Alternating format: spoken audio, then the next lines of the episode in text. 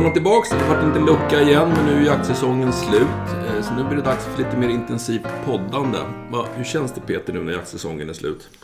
Uh, no comments. No comments. Nej men lite trött och sliten är man. Vi körde ju, vad var det, 6-7 dagar i rad i sista veckan i januari här så att... Uh, både vi och hundarna är väl förtjänta av lite vila. Ja, ja, det får bli en kort vilopaus och sen är det på igen. Ja, precis. Eh, ja, men så är läget. Men så har vi fått massor med frågor ju. Jättemycket frågor. Eh, och vi kan göra så här och det är väl eh, mest en fråga för dig Peter. Det är en eh, ung kille som heter Tony. Han har tagit jägarexamen ganska nyligen. Han har en blandrashund, inte alls av jaktraser som han använder för spår.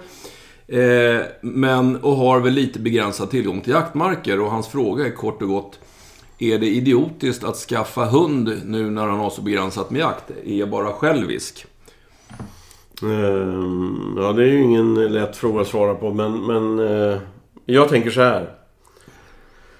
Om han är...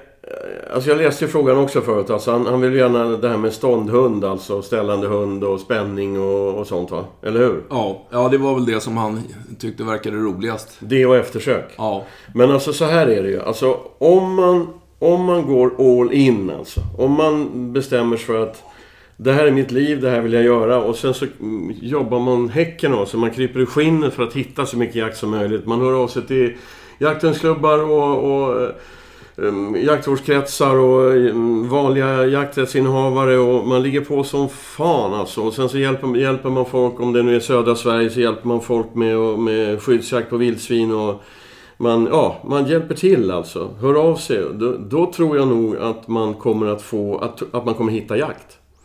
För det finns väldigt många jägare i Sverige men, men eh, eh det behöver jagas mer. Ja. Alltså framförallt i Sverige har vi mer vilt än någonsin så att eh, det behöver jagas. Eh, och visst, det kostar pengar att vara med i jaktlag och allt det där men, men är man nörd och bestämmer sig för att det här ska jag verkligen göra. Eh, då kommer det funka. Mm. Jag menar, du vet hur mycket jakt vi har nu. Så var det inte för 35 år sedan. Nej, mm. men det är, det är också lite, nu har ju vi, eh, nu bor ju vi i en region som är väldigt vildsvinstät. Vi har hundar som är renodlade vildsvinshundar. Vilket gör att vi kan ju åka och jaga, mm, gästjaga egentligen när vi vill för att folk behöver hålla efter grisstammen. Och det är väl lite grann sådär som, som jag tycker i alla fall att, att det är ju inte fel att skaffa en hund eh, om man nu kan, vill komma igång med jakt och jakthund. Men, men som allting annat som vi har sagt förut, jagar hunden tre dagar i veckan så tränar den tre dagar i veckan och kommer förmodligen bli en ganska duktig jakthund med tiden. Jagar den en gång var tredje vecka, då får den inte lika mycket träning. Så det, det är ju... Man kan nog få fram en jakthund av bra linjer som, som jagar även om den får jaga sällan. Men man får en bättre hund, i min uppfattning i alla fall, om man har en hund som får jaga väldigt ofta. Ja men det beror ju på vad det är. Men nu snackar vi löshundar. De, de måste ju jaga. Ja. De ska lära sig själva vad som ska hända i skogen och lösa problem på egen hand. Men en, ett alternativ som den här killen skulle kunna fundera på är att skaffa en specialist. Ja. Alltså en ren eftersökshund som man kan träna dygnet runt även under lågsäsongen. Eller en apportör eller en, eh, en hund under bössan. Alltså en, en riktigt stötande hund. Du vet en sån som, ja. man, eh, som, man, som får stöta framför hagelbössan och sånt. Eh, det är ju en annan variant. För ja. de hundarna kan man ju träna i jaktmomenten. Ja men så är det ju. Och, och självklart, nu, nu vet ju inte vi om det var stöthund. Jag vet bara att, att uh, Tony skrev att han tyckte att den, hund, den hundjakten, att smyga på ståndskall, verkar rolig. Så att, sen är det ju så, får man fram en hund som är duktig, eh, fungerar bra, då behöver man inte vara orolig för att man inte får jakttillfällen. Då får Nej. du massor. Men, men alltså, Tony, bestäm dig för att klara av det här och kämpa som en idiot för att få så mycket jakt som möjligt. Eh, då är svaret ja, skaffa hund. Känner du att eh, jag ska skaffa hund och sen sitta hemma och vänta på att folk ringer mig för att jag ska få jaga, då är det kört. Är man, är man aktiv och, och jobbar på det så, så brukar det funka. Kort svar på frågan. Tony har faktiskt en följdfråga också som rör just den här eh, blandrasen som man använder för spår. Eh, och som då har spårat dåvildsklöver som belöning. När den har hittat klöven så får den gå och bära på klöven. Vid något tillfälle så var klöven Proppfull med pissmyror, hunden blev biten i munnen och därefter inte velat gå fram till klöven när de spårtränar. Och vi har väl egentligen två svar på den frågan. Den ena är en mer praktisk lösning ehm, och den andra är Peters resonemang kring vikten av att gå fram till klöven. Om vi tar den praktiska lösningen. Prova ett annat vilt. Eh, prova ett vildsvinsskinn, prova en, en, ett rådjurshuvud, eh, prova en älgklöv. Därför att det finns väl en stor sannolikhet att, att eh, hunden förknippar eh, obehaget med lukten av dåvilt. Eh, försök att få hunden att spåra fram till något skjutet vilt eh, av annan art. Så att, så att man helt enkelt inte, ja, den får lära sig att allt, allt bits inte som luktar vilt. Och sen kan han ju hetsa hunden lite grann. Alltså, Eftersom den här killen inte har någon egen jakt så kanske han inte har så mycket klövar. Kan det vara så att det är samma klöv? Ja, ja, så kan det vara. Och då har ju hunden identifierat den klöven. Ja, precis. Så att uh, byt ut den där klöven och så hetsa hunden lite grann. Låt dem le lek med den tills hunden närmar sig klöven. Och så. Det, där går, det är en tröskel bara. Ja. Uh, det är ofta en tröskel i människans huvud och inte i hundens. Utan, uh, tänk utanför boxen bara så löser sig det där. Men sen finns det en annan grej som är intressant tycker jag med sportträning. Det är att Många jag har stött på som, som håller på med viltspår, just begreppet viltspår. Eh, där är det oerhört viktigt att belöna hunden i, i spårslutet.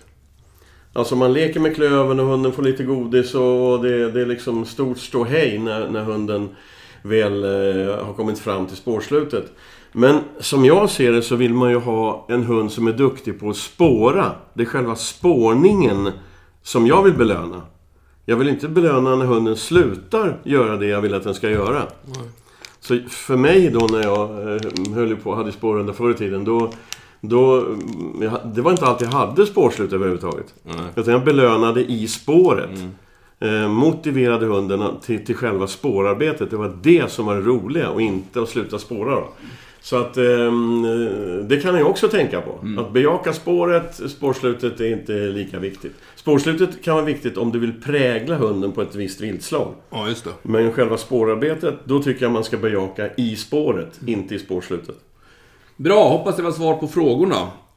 Eh, du hade fått någon lite större fråga. Ja, precis. Jag kan ju börja här för det är ju din grej det här. Men, men jag har, i den här frågan, svaret i den här frågan, där har jag bara en massa lösa åsikter som de flesta andra hundägare. Det handlar om hundmat. Jag fick en fråga från en kille som, som eh, mer och mer är helt inne på att hundar... Eh, om man tittar till hundens ursprung så är hunden en köttätare. Eh, och han menar då att då är det bättre att bara ge hunden, hunden kött och ingenting annat. Han, han, han, frågan är alltså, behöver hunden verkligen kolhydrater? Frågetecken. Mm.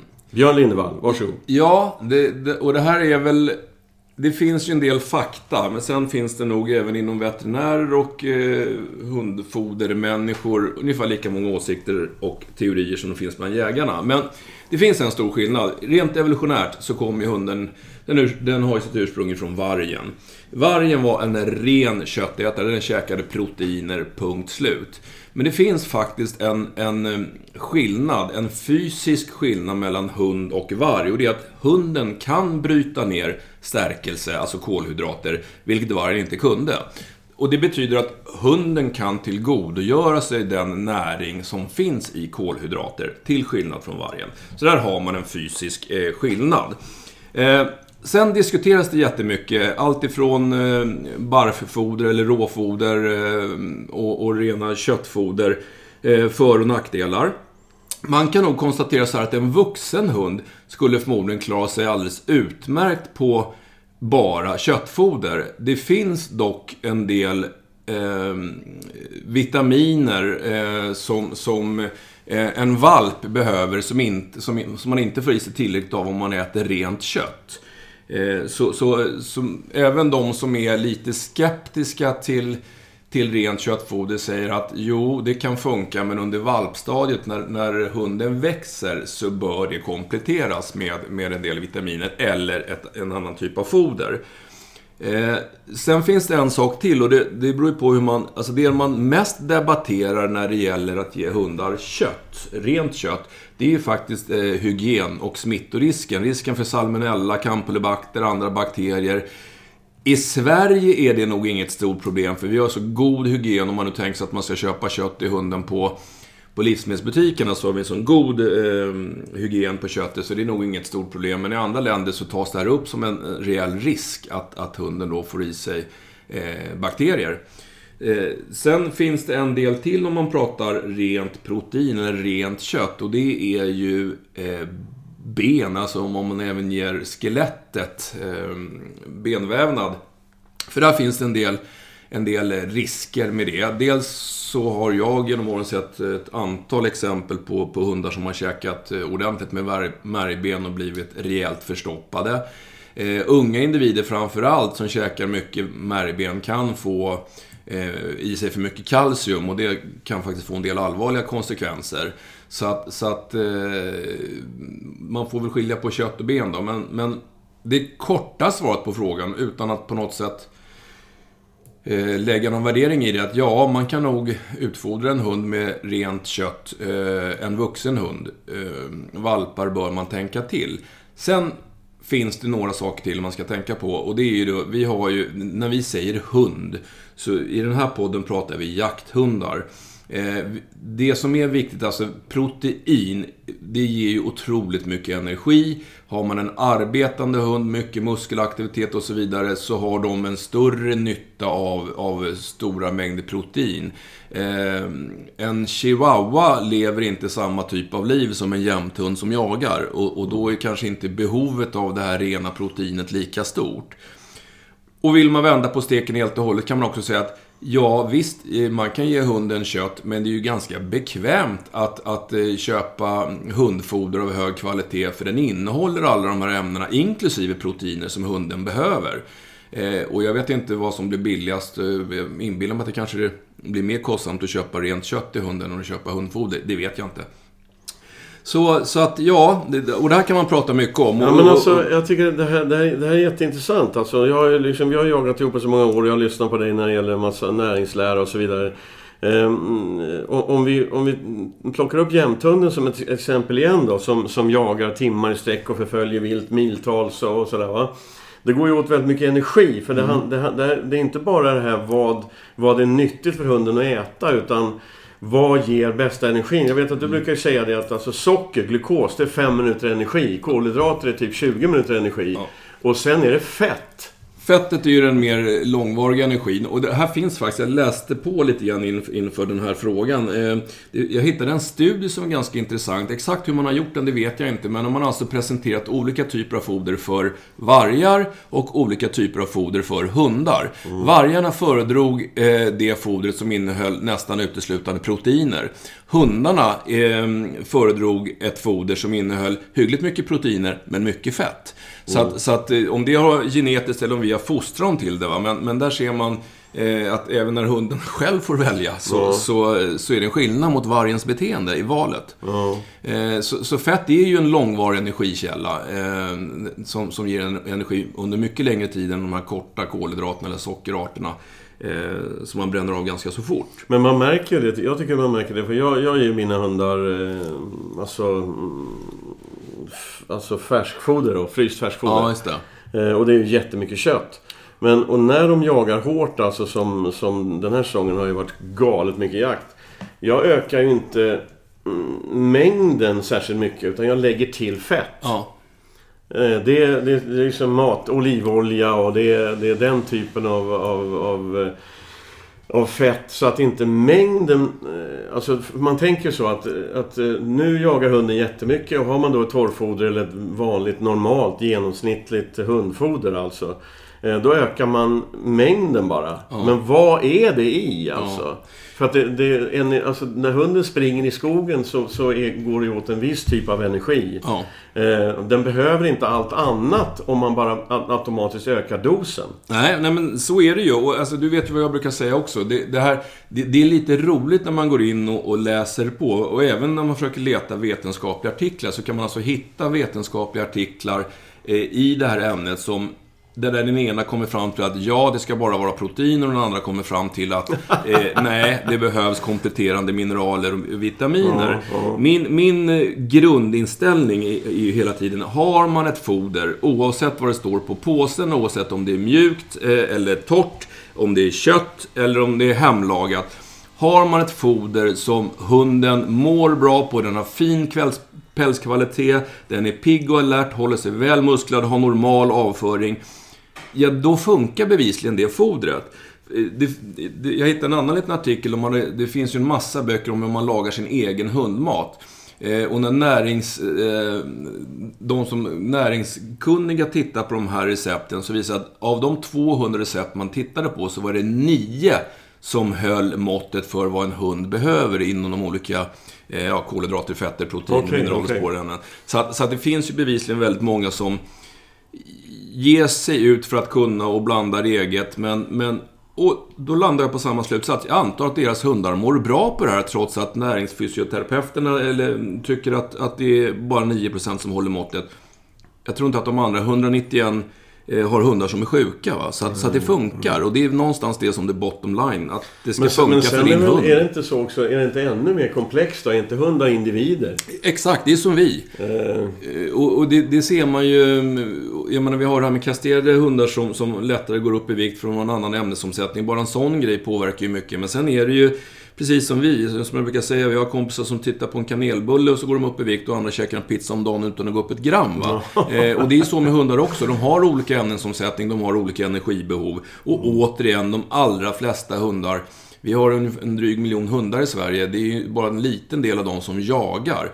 Eh, eller arbetar så extremt som jakthundar gör. De har ett helt annat energibehov än, än ja, återigen då, chihuahuan eller någonting annat. ja, ja.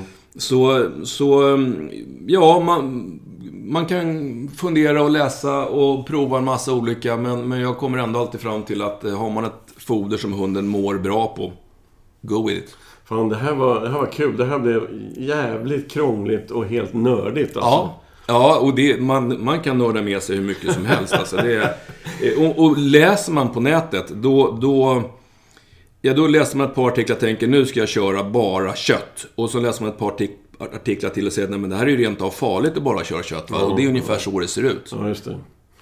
Ja, men vi får... Vi får, eh, man får men, men det mesta är ju sunt förnuft liksom. Så är det. Det är samma som det här med varför går hunden upp i vikt? Ja. ja, Det, Ge- den är lätt att svara på. ja, ge den mindre mat för fan. Ja. Okej, släpper vi maten nu Vi släpper maten. Du ska få en fråga av mig. Ehm, en- Den är också lite klurig. Det är en... Nej, Peter förresten. Jag ville fylla på kaffet. Okej. Paus.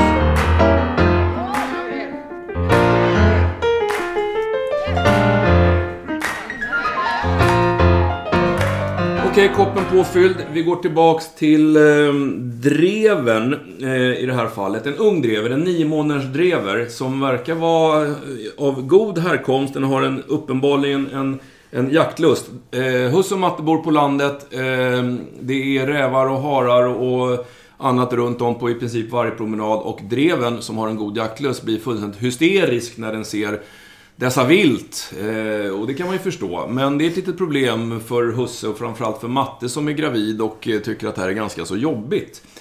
Ja, vad säger man Peter? Vadå, han vill, de, vill ha, de vill att hunden ska gå fotfint fast det är rådjur som springer framför nosen på den? Ja, det är väl ett... Eh, kallar det förhoppning eller önskemål? Ja, nej men alltså det finns ju massa olika sätt och, och, och han liksom tittar på den här frågan. Mm, och är det en drever av, av rätt kaliber eh, så tror jag absolut att man kan tala om för drevern att den ska ge fan i och, och bli hysterisk eh, bara för att den ser en hare eller ett rådjur när vi går i koppel. Jag tror inte den kommer jaga sämre. Jag tror inte man kommer plocka bort jaktlusten av den. Nej. Eh, men, men, eh, och det gör man ju på klassiskt sätt. Det är svårt att mm, beskriva i radio. Men, men alltså, ehm, det är mina gamla vanliga trick liksom. Att peta till hunden och backa in den och gå in framför den och gå in emellan. Och man får hålla på på, på det sättet. Men, men det finns... Det, krä, det kräver mycket. Det kräver väldigt mycket. Och helst ska man göra rätt då, så man inte skrämmer och är dum mot reven. För då kommer den inte komma på inkallning sen när den jagar om den inte gillar den. Men det finns... Ska, vi gör så här... Långlinetricket. Ja, men alltså det, det blir ett, ett, hård, ett hårt råd här nu. För om jag förstod frågan rätt så är det så att eh, flickvännen där, eller sambon eller frun Ja. tycker det är jobbigt om du inte går med en barnvagn Ja, hon- och en drever som är som en helikopter i snöret. Ja. Eh, Okej, nummer ett. Hon går inte de där promenaderna. Nej. Det gör han. Eh, nummer två. Håll inte kopplet i handen. Utan skaffa en karbinhake och sätt i bältet. Eh, och, och eh, lulla runt med dreven och när dreven får spelet, bara gå. För en drever är väldigt liten, väger inte särskilt mycket. Och det, det här är en vanligt svensk normalbyggd man. Han behöver bara gå. För då korrigerar han inte dreven. Utan han bara går. Mm. Då kommer han att svepa med sig dreven. För jag lovar, ingen hund född vill bli släpad i gruset. Nej. Den kommer att använda sina ben. Och då går man bara. Och man kan vända 180 grader och gå åt andra hållet. Och helt enkelt svepa med sig dreven. Bort ifrån de här rådjuren. Ehm, gör man det ett tag eh, och, väldigt konsekvent så kommer dreven att lära sig att det är ingen idé att jag håller på med det här. Mm. För att om man bara, om man bara tillrättavisar men inte riktigt superkonsekvent då är chansen, eller risken stor, att man istället eldar på dreven. För var vill en hund om man drar den bakåt i kopplet, Ja, då vill den ju framåt. Den vill framåt. Ja. Alltså det, det är liksom en fysiologisk sanning. Men drar man en hund bakåt så vill den framåt. Drar man en hund bakåt så triggar man den framåt. Så ska man korrigera den från rådjuren så ska man korta kopplet och hoppa in framför dreven med sin fysiska kropp. Men, men det hårda rådet blir Kvinnan i huset, kvinnan med barnvagnen går inga promenader med hunden förrän den har blivit vuxen och mm, bättre koll. Och grabben, eller mannen i huset, sätt, skaffar sig en karbinhake på Biltema, kostar inte mer än 9 spänn, sätter i bältet, sätter fast kopplet där och bara går. Bra. Eh, sen får man ju faktiskt, det har vi sagt förut också, dreven är nio månader. Någonstans så kanske man inte ska tro att den aldrig kommer intressera sig för harar, och rävar och rådjur på promenad. Eh, men den kommer ju mogna, den kommer ju lära sig vad som är jakt och inte jakt. Eh, jag kan förstöra lite grann och säga att min vaktel som är 10, hon är ganska väldresserad men eh, ser vi en hare på promenaden, då tar det hus i helskotta. Jag har, jag har en vuxen jämthund som eh, man kan vara lite mallig över för hon kommer in på inkallning i skogen. Men om jag är ute och går promenad med henne och det hoppar upp en 110 kilos vildsvinskalt framför oss så lär jag nog få svårt att få stopp på den jämthunden kan jag säga. Då får vi jobba. Yes. Eh, Vänta, vänta, vänta. Jag måste lägga till en sak. Ja. Det finns många andra sätt att träna hundar på. Man kan gå till, det finns avledningstekniker, man kan köpa en klicker och prova med det. Man kan rulla köttbullar på grusvägen och man kan... Det finns så många sätt som är bra utom de dåliga. Så att eh, det gäller att lägga in det ibland. För att eh, Så här är det. Det här är ju bara våra Här sitter egna. vi och är kaxiga. Vi säger bara vad vi tycker. Ja, så är det. Och ibland är det rätt. Yes. Men du, drever. Ska Ja. vi inte gå vidare på... Jo, är vi på hade ju en drever. Vi har haft upp ämnet förut, men det kommer igen. Eh, en fråga om den så kallade dreversjukan, eh, som per definition heter lungödem eller jaktödem. Eh, det var inte så länge sedan vi pratade om det, men nu har det dykt upp en fråga igen. Eh, En drever som har då fått eh, jaktödem, det vill säga vätska i lungorna och blivit eh, portad från all jakt under resten av säsongen. Husses fråga är väl egentligen eh, eh, ja, prognos på det här och vad ska man göra åt det? Och det blir tyvärr samma svar som jag sa sist. Eh, det, det man, har man ett, ett lungödem på en hund, oavsett om det är en drev eller någonting annat, det första man vill utesluta är att hunden lider någon typ av hjärtproblematik. För att eh, hjärtproblematik kan i sin tur ge lungödem. Eh, I det här fallet så står det att hjärtat är eh, som det ska.